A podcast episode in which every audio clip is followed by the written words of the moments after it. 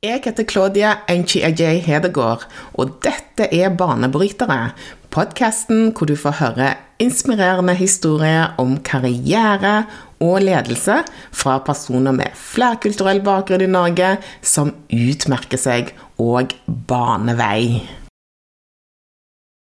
Da snakka jo aldri om salg på B.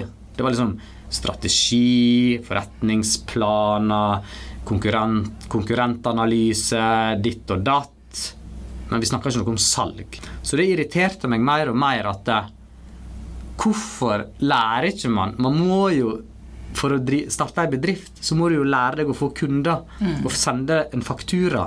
Du kan ikke leve av å få penger fra Innovasjon Norge eller SkatteFUNN eller sånt. sant? Ja, det er kjempe, kjempefine initiativ, men det alene kan ikke skape en lønnsom virksomhet. Da må du få en ekte kunde.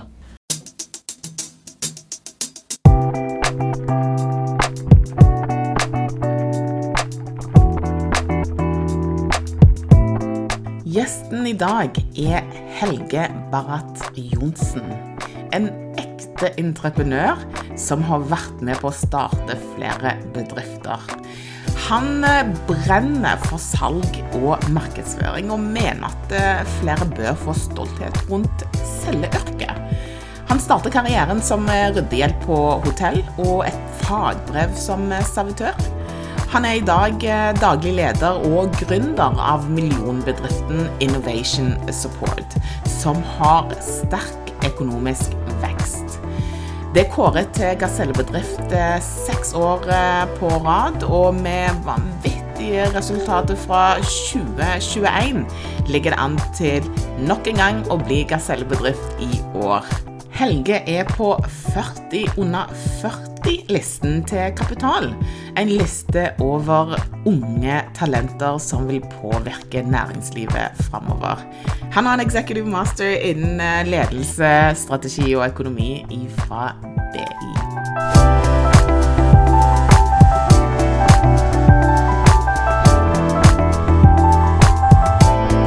Velkommen til Banebrytere, Helge. Tusen takk. takk, ja. takk. Hvordan går det med deg? i dag? Det går veldig fint. Første vårdagen i, i Oslo, vil jeg si. Ja. Tok på meg eh, boblejakke og hue i dag tidlig. Ja. Eller lue. Eh, men fant jo ut at det ble altfor varmt i dag. Så eh, det var derfor jeg trengte to glass vann når jeg kom. er ikke det deilig at det er snart eh, vår, og vi kan eh, droppe den der helsikes boblejakken? Ja, det er helt fantastisk. Helt jeg er så lei av boblejakken. Ja, jeg òg. Jeg gleder meg til kjoler. Kjoler og sandaler. Ja, ja, det er jeg ja, på en måte, jeg òg, men kan, Nei, altså, jeg skal ikke bruke kjolene, da, men det er jo kjekt når folk går i kjoler. Ja. ja. Hvis det er lov å si. Ja, det, det, er et veldig godt tegn når folk begynner å gå i kjole. ja. Om du er mann eller dame. Ja, ja, ja. ja, Alt er lov. Alt er lov. Eh, Helge. Mm. Eh, du har jo eh, en veldig interessant eh, flerkulturell eh, bakgrunn. Mm. Kanskje du forteller litt om, eh, om det? Ja, jeg kan jo starte med å si at jeg kom til, kom til Norge når jeg var, var seks måneder. Eh, adoptert fra, fra India, fra Mumbai, eller Bombay.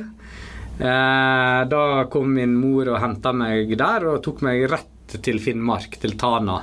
Yeah. Og til eh, det til eh, min far, da, han er jo samisk. Så jeg bruker jo å si at jeg er um, litt indisk, litt samisk, litt norsk og litt finsk. Så det er en god miks der, da. Så bodde jeg eh, I starten så bodde jeg i uh, Finnmark, i Tana, uh, frem til jeg var fire år. Så hadde jeg ett år i Bergen. Og så flytta jeg til Stryn, som er på en måte Stryn er jo det jeg sier er min heimplass, og der jeg, der jeg har vokst opp, da. Mm. Har det vært bra på Stryn? Ja, Stryn er jo eh, er jo verdens eh, navle, da. Jeg må jo jeg må si at eh, Stryn tenker jeg på daglig og snakker om daglig. Så eh, alle som kjenner meg, vet at jeg snakker litt for masse om Stryn. Mm. Du har et hjerte for, eh, for eh, Stryn? Ja, alt ja. som er med, med, Stryn. Så det er store sjanser for at jeg kommer til å snakke mer om Stryn i løpet av den podkasten her. Altså, det er jo veldig vakkert ja. sted. Ja, det er jo eh, naturen og landskapet. Det er jo først noe jeg har sett nå i voksen alder. da. Når jeg vokste opp, så var jo det der da òg, men da var det jo først og fremst eh, kulturen og mennesker og holdningene og alt som skjer i Stryn, da. Så en veldig fin plass å vokse opp, da. Eh, noe som jeg faktisk eh, beskrev bacheloroppgave om. Hvorfor eh, Jeg husker ikke navnet på bacheloroppgaven min, men det var noe sånn det innovative miljøet i Stryn. For eh, Stryn kommune er jo ranka ganske høyt eh, for å være gode i innovasjon. Oh, ja. Og Da prøvde jeg å finne ut av hvorfor er det sånn at noen plasser er mer innovative enn andre plasser. Og Da har jo du det som kalles sånn klynger, da, med en plass der det er en spesiell industri. da.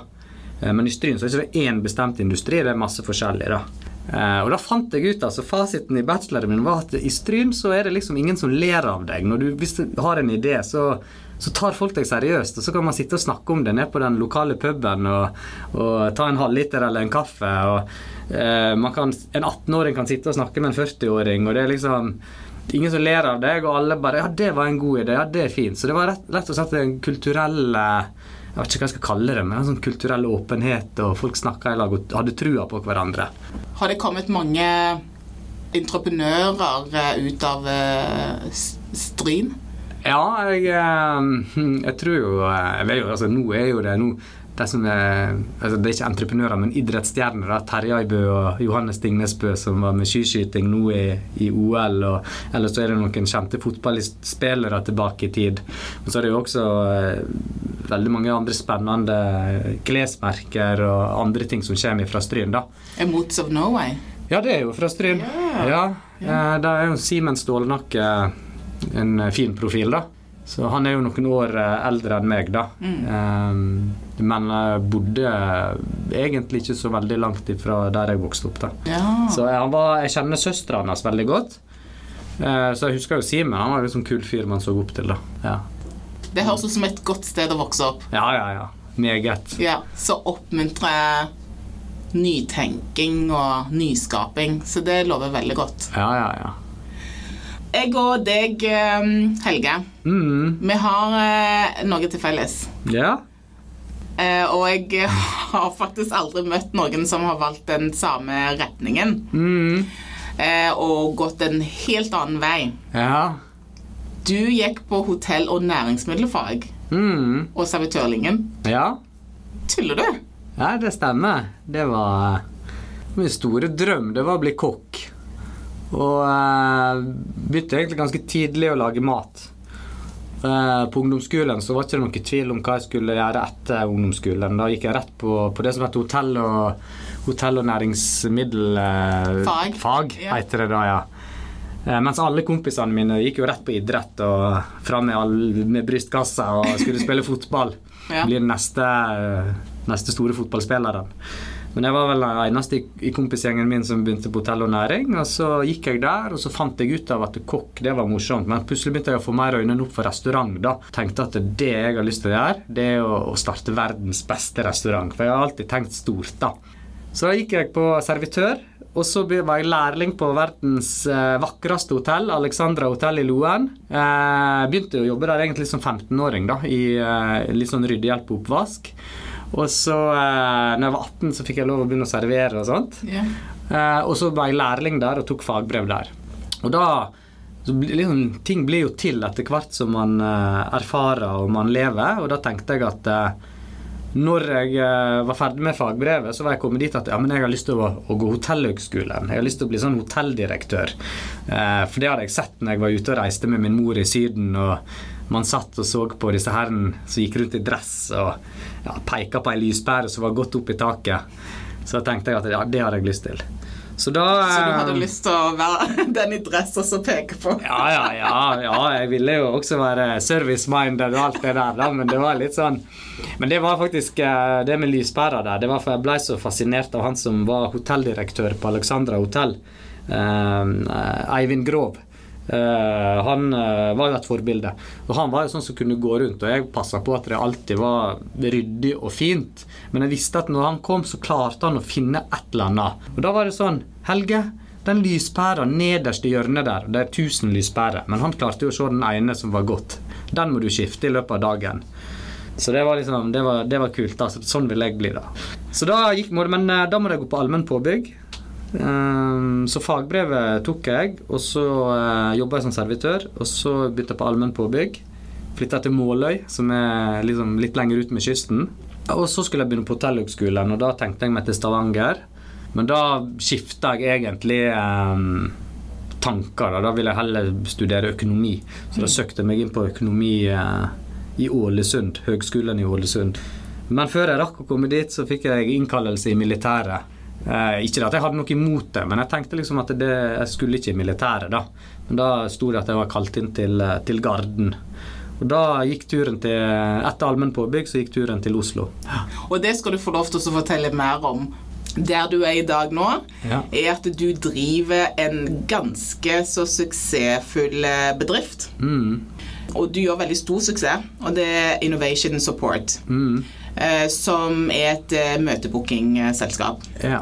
Og hvor du har ganske store navn på kundelisten din. Og det er jo EU, Microsoft og Visma mm. står jo på kundelisten din. Mm. Eh, og de siste fem årene mm. Du må gjerne korrigere meg. Ja, seks år, seks år hvis du skal si det jeg tror du skal si. ja. Hva er det jeg skal si for noe? Da skal du si at de siste seks åra så har vi vunnet Gasellepris. Ja. Var det det? Ja, det var det. Ja, Men da skal jeg, eh, kan jeg legge til at det blir nok åtte år. For det at ja. Eh, jeg vet at vi blir det sju år, for det får vi nå snart om noen måneder. Og så jobber vi med å bli åtte år på rad. da. Mm. Ja, men, er det på sin plass å si gratulerer? Ja, det syns jeg. altså. Ja. Det, det, men det syns jeg er kjempemorsomt. Men det har vært litt sånn For det er så lett å sette mål. Da er jeg veldig opptatt av å sette seg mål. Og når man jobber mot et mål og kan eh, ha noe tydelig som alle ser, så er det så lett om Vi skal bli gasellebedrift. Og så ble vi det én gang. da, om Vi skal bli det to ganger. Om Og vi skal bli det tre ganger. Og så videre. Får vi se hvor lenge det går, da. For å finne nye mål etter hvert. Men hva er det selskapet gjør? Innovation Support. Ja. Vi er jo eh, det jeg liker å kalle et konsulenthus som hjelper bedrifter med å få nye kunder.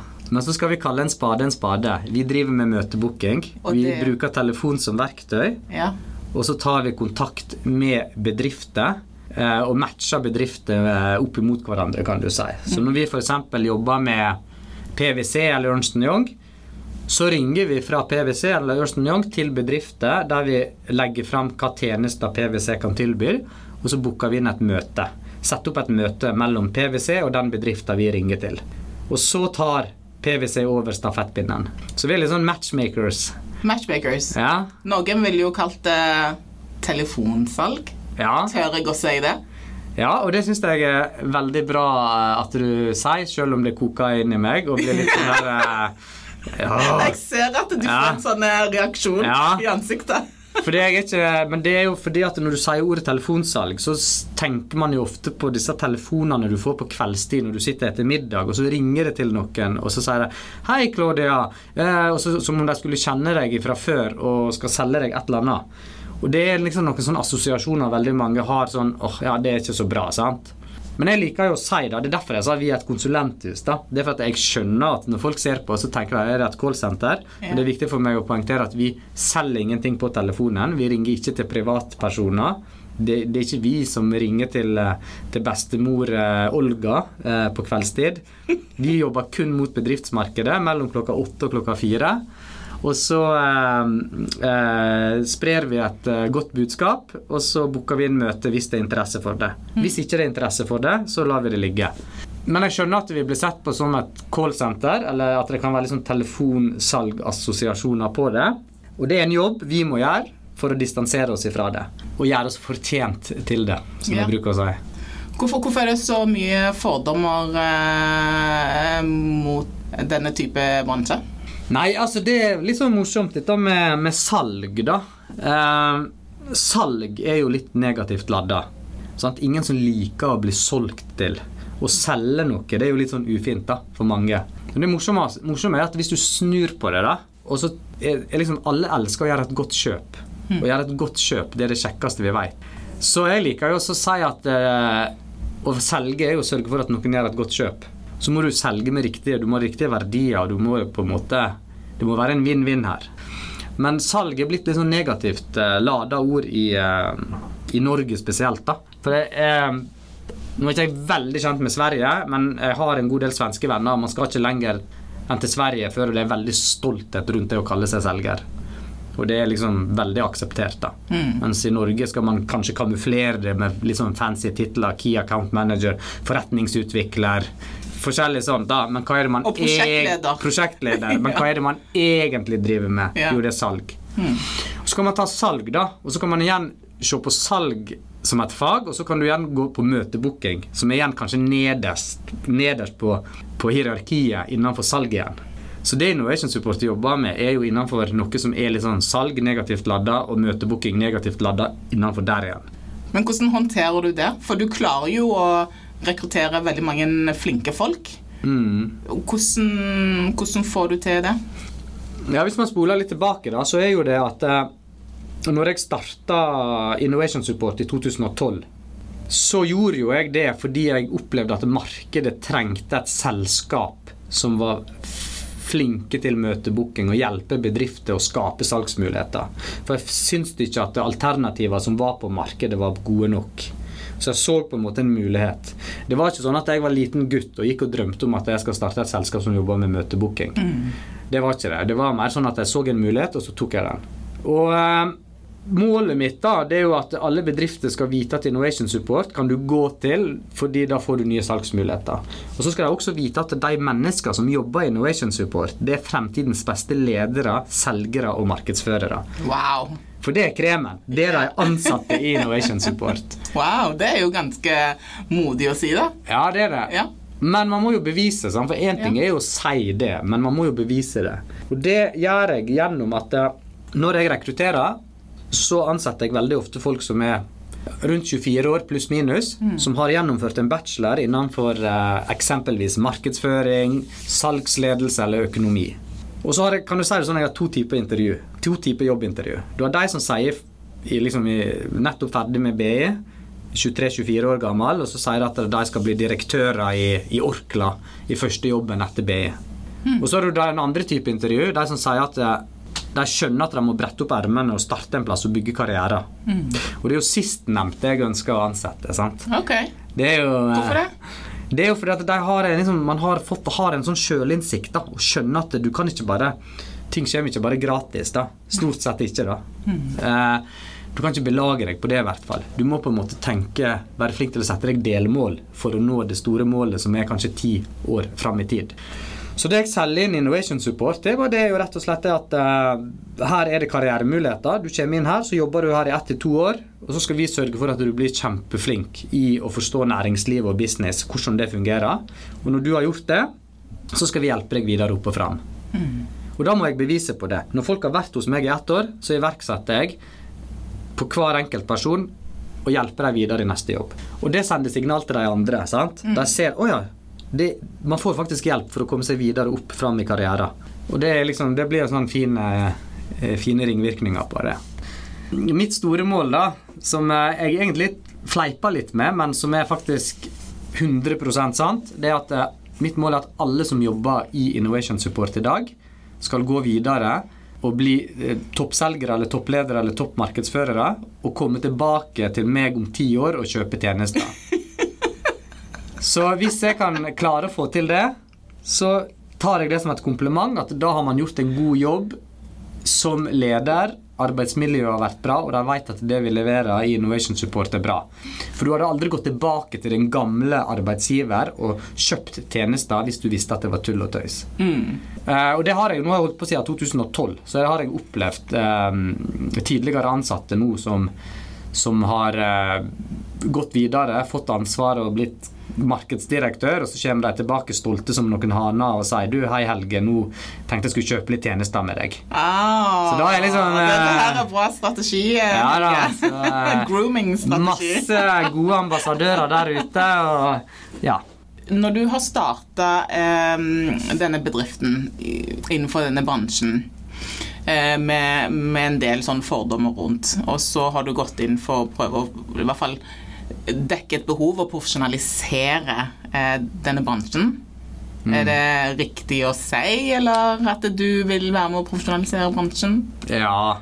ja, det vil jeg si er riktig, for det er jo veldig enkel ting å starte. da. Du kan jo bare strengt tatt opprette et enkeltmannsforetak og, og skaffe deg noen kunder. Ikke det at det er så lett å bare skaffe kunder, da, men altså, du kan bare ringe, trenger bare telefon og så starte. da.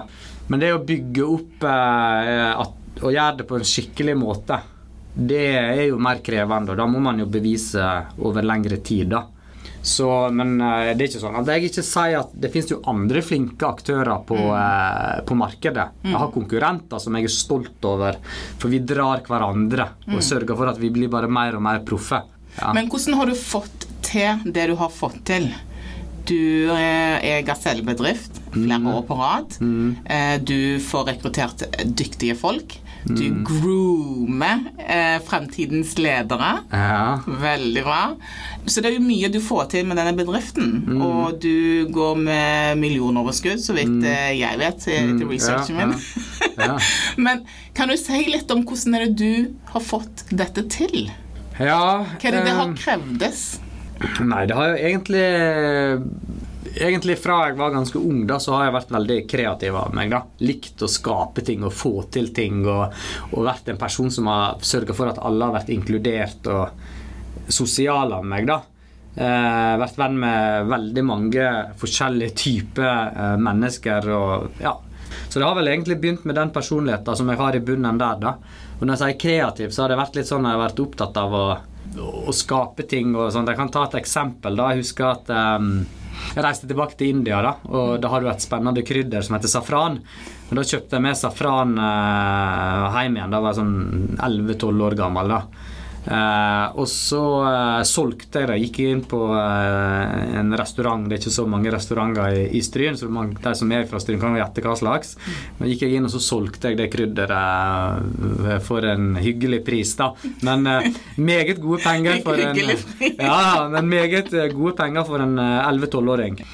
Og så husker jeg tilbake også på sånn 90-tallet Denne her er litt på kanten, egentlig. Men eh, 90-tallet så var Flo, eh, Jostein Flo og Tore André Flo veldig store.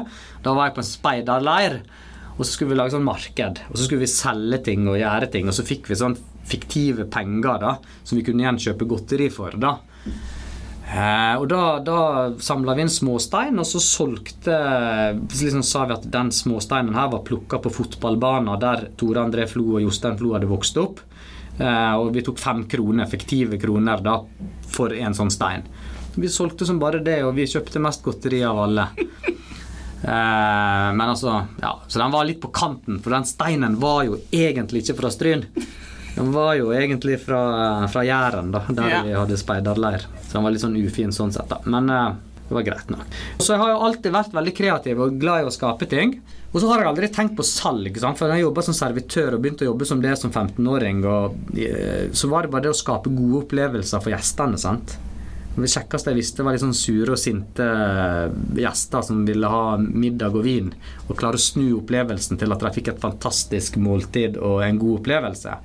Så liksom det også sitter ganske i meg, da, at jeg liker å skape gode opplevelser. Men det var jo først når jeg begynte på BI at jeg eh, Litt sånn tilfeldig sånn hvordan livet blir til. Sånn. For jeg havna i Oslo pga. militæret. Så i stedet for å studere i Ålesund, som jeg egentlig hadde planlagt, så søkte jeg meg inn på BI på det som heter entreprenørskap. Og entreprenørskap var jo fordi at det var liksom Der lærer du om hvordan starte bedrifter. da Og det syns jeg hørtes kult ut. Men det var ikke noe mer enn det i begrunnelsen. da Så når jeg begynte på det, så uh, fant jeg fort ut at det var morsomt. For det var litt sånn, jeg har aldri vært noe sånn glad i å lese, eller noe, har aldri hatt gode karakterer. da Men jeg har alltid vært uh, glad i å jobbe med mennesker og ja, praktiske ting. da Så um, på, uh, på det studiet så lærte man jo veldig masse om hvordan starte bedrift og sånt. da Parallelt med studier så må jeg ha en deltidsjobb. Så jeg søkte på å jobbe som servitør, for jeg hadde fagbrev. Men så var jeg også med på noe sånn karrieremessig som vi hadde på BI. Og da var det et selskap som hadde stand på BI, som heter Mercury International. Som var et konsulenthus, eller er et konsulenthus, som jobber med lederutvikling og utvikling av selgere. Og så hadde de oppe et sånn skilt eller noe sånt, der de reklamerte med gratis pizza og øl. Så jeg var jo student og 20, 21 og pizza og øl gratis. Det var liksom Det er big deal, altså. Ja, det var liksom Da sa jeg til han kompisen min, Stian het han, dette, vi stikker på det i kveld.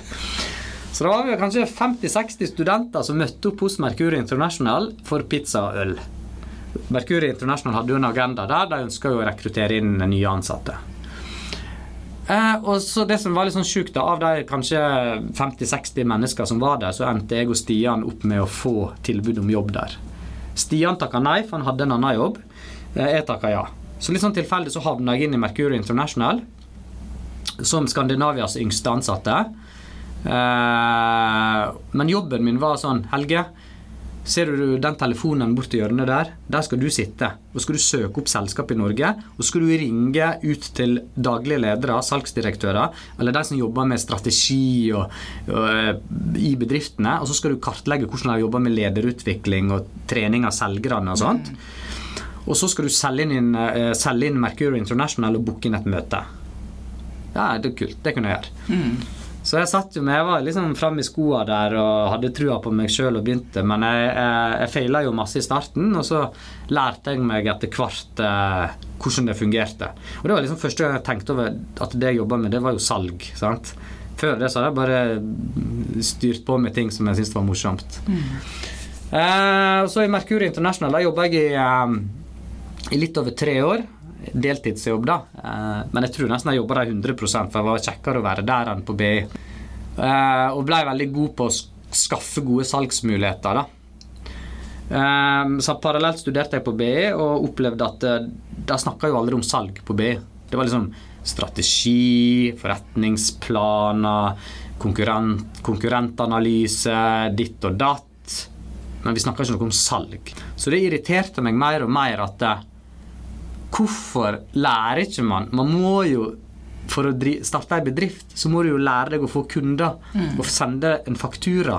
Du kan ikke leve av å få penger fra Innovasjon Norge eller SkatteFUNN eller sånn. sant? Ja, det er kjempe, kjempefine initiativ, men det alene kan ikke skape en lønnsom virksomhet. Da må du få en ekte kunde. Så eh, slutten av BI så ble jeg litt sånn begynte man å tenke hva skal jeg starte? Jeg har lyst til å starte et eller annet. Og jeg visste jeg har lyst til å starte noe som ikke krever store investeringer. Og ikke er liksom sånn produksjon og produkt og sånt. Jeg har lyst til å starte noe som er tjenestebasert. For det koster ingenting å komme i gang med. Det er snakk om min kompetanse. Og da var det ganske tydelig for meg da, at i Mercury så hadde jeg en skills som jeg hadde lært meg. Og så opplevde jeg at markedet mangla det her. Og da starta jeg Innovation Support med, med den, det mål om at vi skulle hjelpe bedrifter med å sende den første ekte fakturaen. Så navnet Innovation Support kom jo egentlig fordi jeg skulle hjelpe oppstartsbedrifter. Så det første jeg gjorde, var å kartlegge alle oppstartsbedriftene i Oslo. Forskningsparken, eh, Startup Lab og rundt omkring. Tok kontakt med dem og sa hei, jeg heter Helge. Eh, Jeg tror jeg kan hjelpe dere med å skaffe de første kundene. Kan vi ta en kaffe? Folk sa ja til det. De syntes det var spennende. Eh, Det jeg opplevde ganske fort, det var at bedriftene ville ha masse hjelp, og jeg kunne hjelpe dem å skaffe møter og salgsmuligheter. Og vi, fikk, vi klarte det målet da, som var hjelpe bedrifter med å sende den første ekte fakturaen. Men det jeg opplevde da, det var jo at betalingsvilligheten for mine tjenester de var ikke så store som jeg hadde håpa på. For det var sånn Ja, hvor masse koster det, masse koster det at du hjelper å selge? sant? Så sa jeg nei, det koster 1000 kroner. Å nei, det var masse, sant. Så jeg, 1000 1000 kroner? kroner? Ja, det, nå, nå tu- liksom tok jeg ned litt, da. Men det var sånn, det var sånn Nei, det kosta 10 000. Da. Det var masse. Men mm. poenget mitt da, det var at det veldig sånn tidlig da, så fant jeg ut av at nei, men jeg må gå mot de store, etablerte bedriftene. De trenger jo også nye kunder. Så ok, si 5000, da. Litt mer da enn 1000. Så sier det koster 5000. Men det som jeg gjorde når jeg kunne gå til de store bedriftene, var å si jeg kunne legge på en null og si at det koster 50 000. Og reaksjonen var ja, det går fint. For at for de store etablerte bedriftene så var det plutselig 50 000 det var liksom, det var greit. Det er dråpe i havet. Ja, Og så så de verdien de fikk tilbake. sant? Ja. Du må jo ha noe å levere tilbake. Så da, da var jo Innovation Support mer over på at eh, Nei, men vi skal, vi skal gjerne jobbe med oppstartsbedrifter, men det må være oppstartsbedrifter som er villige til å betale det det koster. Så da får heller komme til oss etter hvert. Så da skifta vi, og så gikk jeg mot eh, disse her store bedriftene og sa jeg kan hjelpe dere å skaffe nye kunder. Og Det er derfor jeg også sa i stad at jeg har ikke noe sånn bakgrunn fra telefonsalg og sånt. For min, min, eh, min eh, jo, For meg handler det om å hjelpe folk å skaffe kunder. Og så bruker jeg telefon som verktøy. I lag med LinkedIn og Google og gjør research. For det er mer effektivt enn å sykle rundt på en sykkel og besøke folk. For meg handler det bare om å jobbe mest mulig effektivt og skape resultat. Jeg er stor fan av digital markedsføring og andre måter å løse ting på.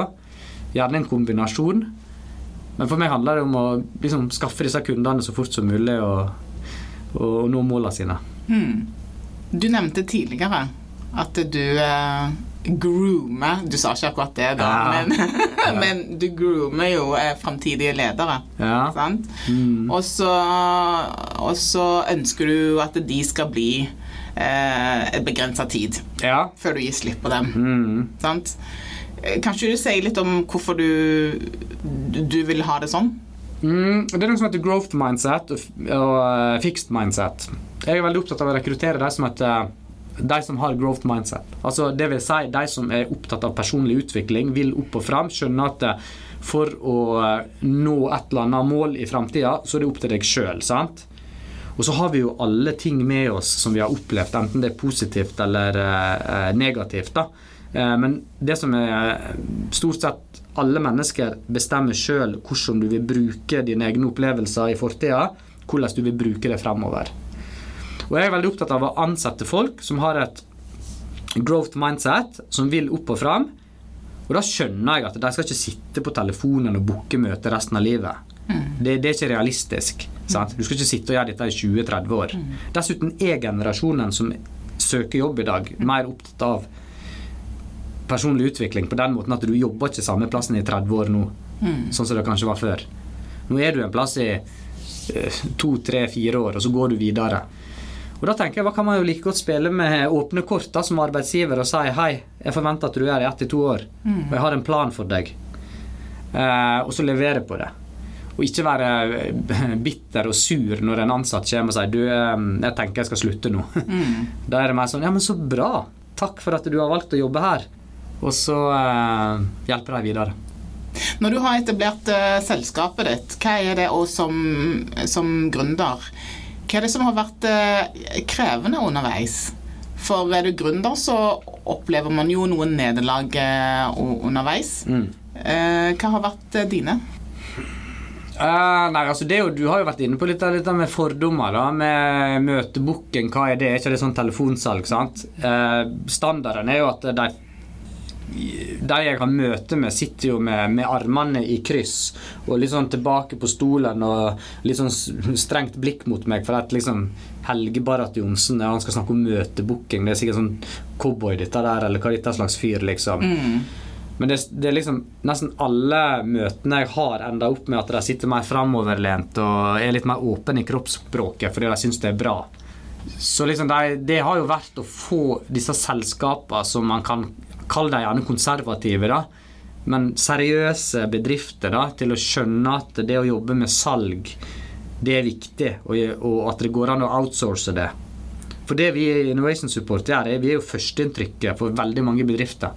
Og da må vi jo være superprofesjonelle. Og det har vært den tyngste veien, da. Å få gjøre seg fortjent til det.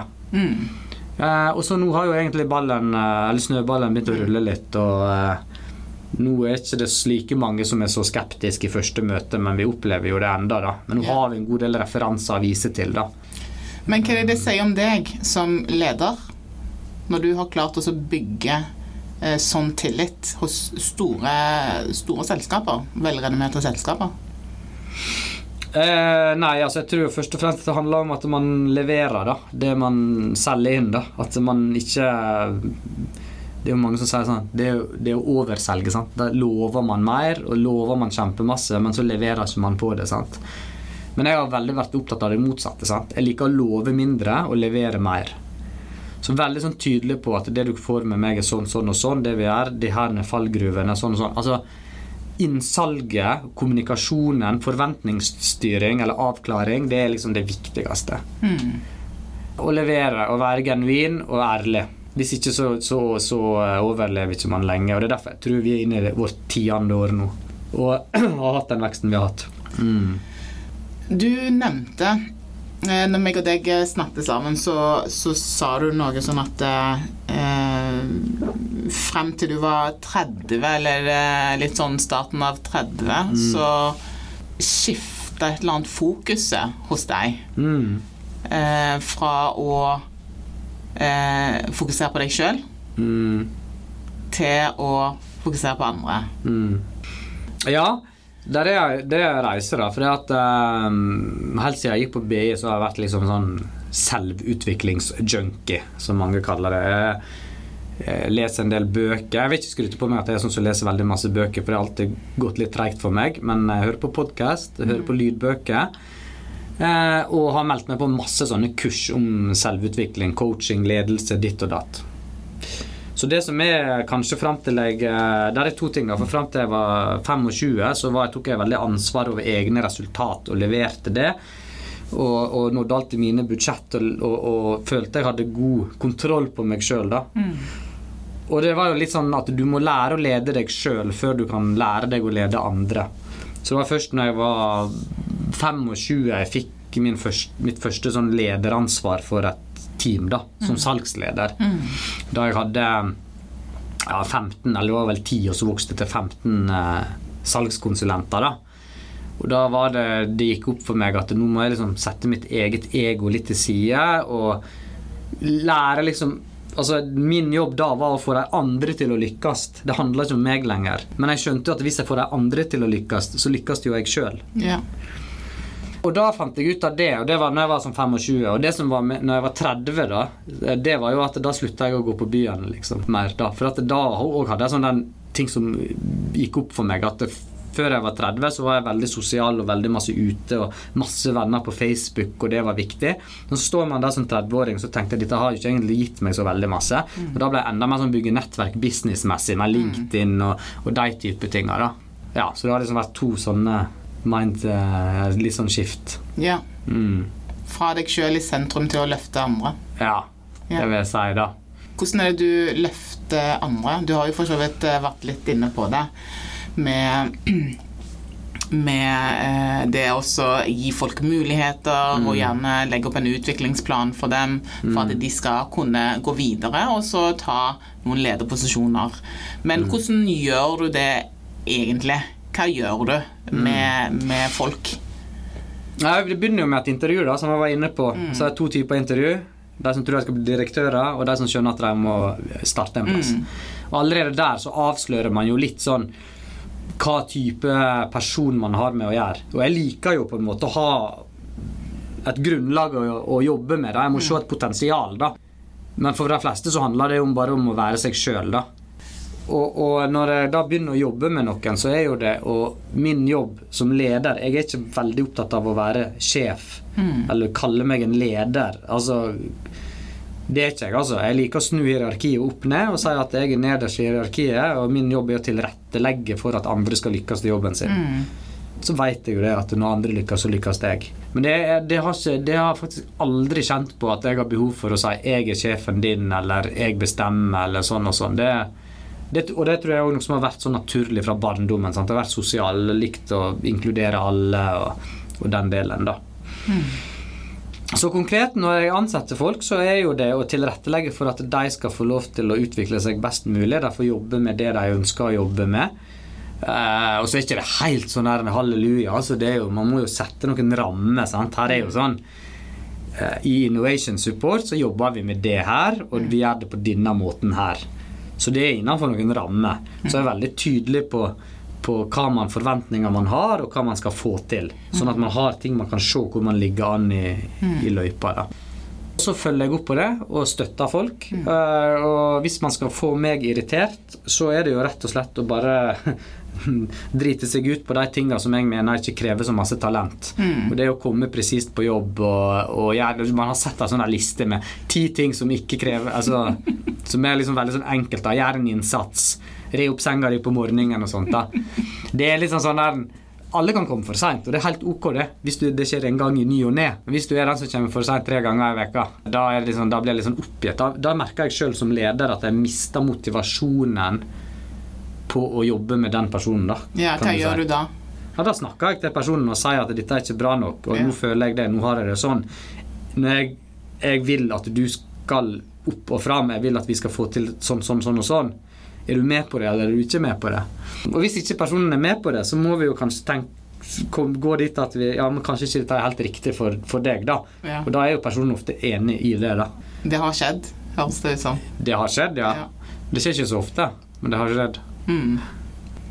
Altså jeg vil si at de som ikke har fått Det kan jo være ulike grunner. Sant? Det kan jo være at du ikke den jobben var for deg. For at det, det er jo ikke for alle. Sant? Den jobben vi gjør, det er å sitte på telefonen og LinkedIn og Google og prospektere og leite og finne, og så ta kontakt med folk som ikke har bedt om at du skal ta kontakt med dem, og booke inn møter. Mm. Det er jo mental, eh, kre, mentalt krevende. Men hvordan er det du hjelper dine ansatte med å bygge den mentale kapasiteten til å kunne håndtere eh, det? Fordi de får jo mange nei Mm, òg. mm, Og det gjør jo noe med deg. Mm. Når du går hjem, så kjenner du at du liksom Du, du, du, du føler ikke deg høy i hatten alltid. mm. Hvordan er det du bygger den der mentale eh, kapasiteten, eh, og eh, sånn at folk holder motivasjonen oppe? Altså, nå er vi 36 ansatte i selskapet. Og det, nå handler ikke det lenger om meg. Det handler litt om meg, men det handler veldig masse om mellomlederne mine. Og hvor fantastisk positiv mental innstilling de har. For det er noe som liksom, vi kaller det PMI, da, med positiv mental innstilling. Mm. Og det er så viktig, fordi at uh, snakker man positivt, tenker positivt, er løsningsorientert, så smitter det over. Mm. På samme måte som at hvis man snakker negativt 'Å nei, åh, jeg er så sliten i dag', og, og eh, 'Nei, jeg orker ikke i dag'? Så, så sprer det seg. Sant? Så det har jeg hele veien vært veldig sånn tydelig på, at vi må ha positiv mental innstilling. Så jeg har vært veldig opptatt når jeg skal rekruttere mennesker og, og ansatte og ledere, at vi må ha en positiv mental innstilling. Eh, growth mindset, som jeg var inne på i stad. Ja. For det henger i hop. Og eh, da er det helt ok at du har en drittdag, for det er helt lov å ha. Og si at i dag får ikke jeg til ting, og snakke med sin nærmeste leder og sånn og sånn. Men da finner vi en løsning på det. Hvis folk har det veldig forferdelig, så skal man få lov å gå hjem igjen òg. kanskje man trenger en litt sånn timeout. Men jeg vil si at eh, det er kulturen i selskapet, da. Det er liksom Sørge for at det er positivt, positive tanker og prater og sånn, sånn. så vil det bare husker mamma hadde sånn Tenk positive tanker, og det positive vil gro. ja. Hadde vi på kjøkkenet hjemme da jeg var liten. Ja. Og du tar det med deg? Det har jeg tatt med meg videre, ja. Ja. Hva er det som driver deg, eh, Helge, til å stå på? Nei, det har jo Nå er det jo eh, å se på en måte hvor langt man kan ta det, da. Jeg har ingenting å tape. Eh, jeg har lyst til å se om vi kan ta det videre utenfor Norge. Sverige og Danmark først. Eh, og så lenge vi har det kjekt, så eh, Det er jo litt sånn jeg selv tenker med meg sjøl hva er det verste som kan skje. Hvis det går eh, ikke funker lenger, så må jeg finne på noe annet.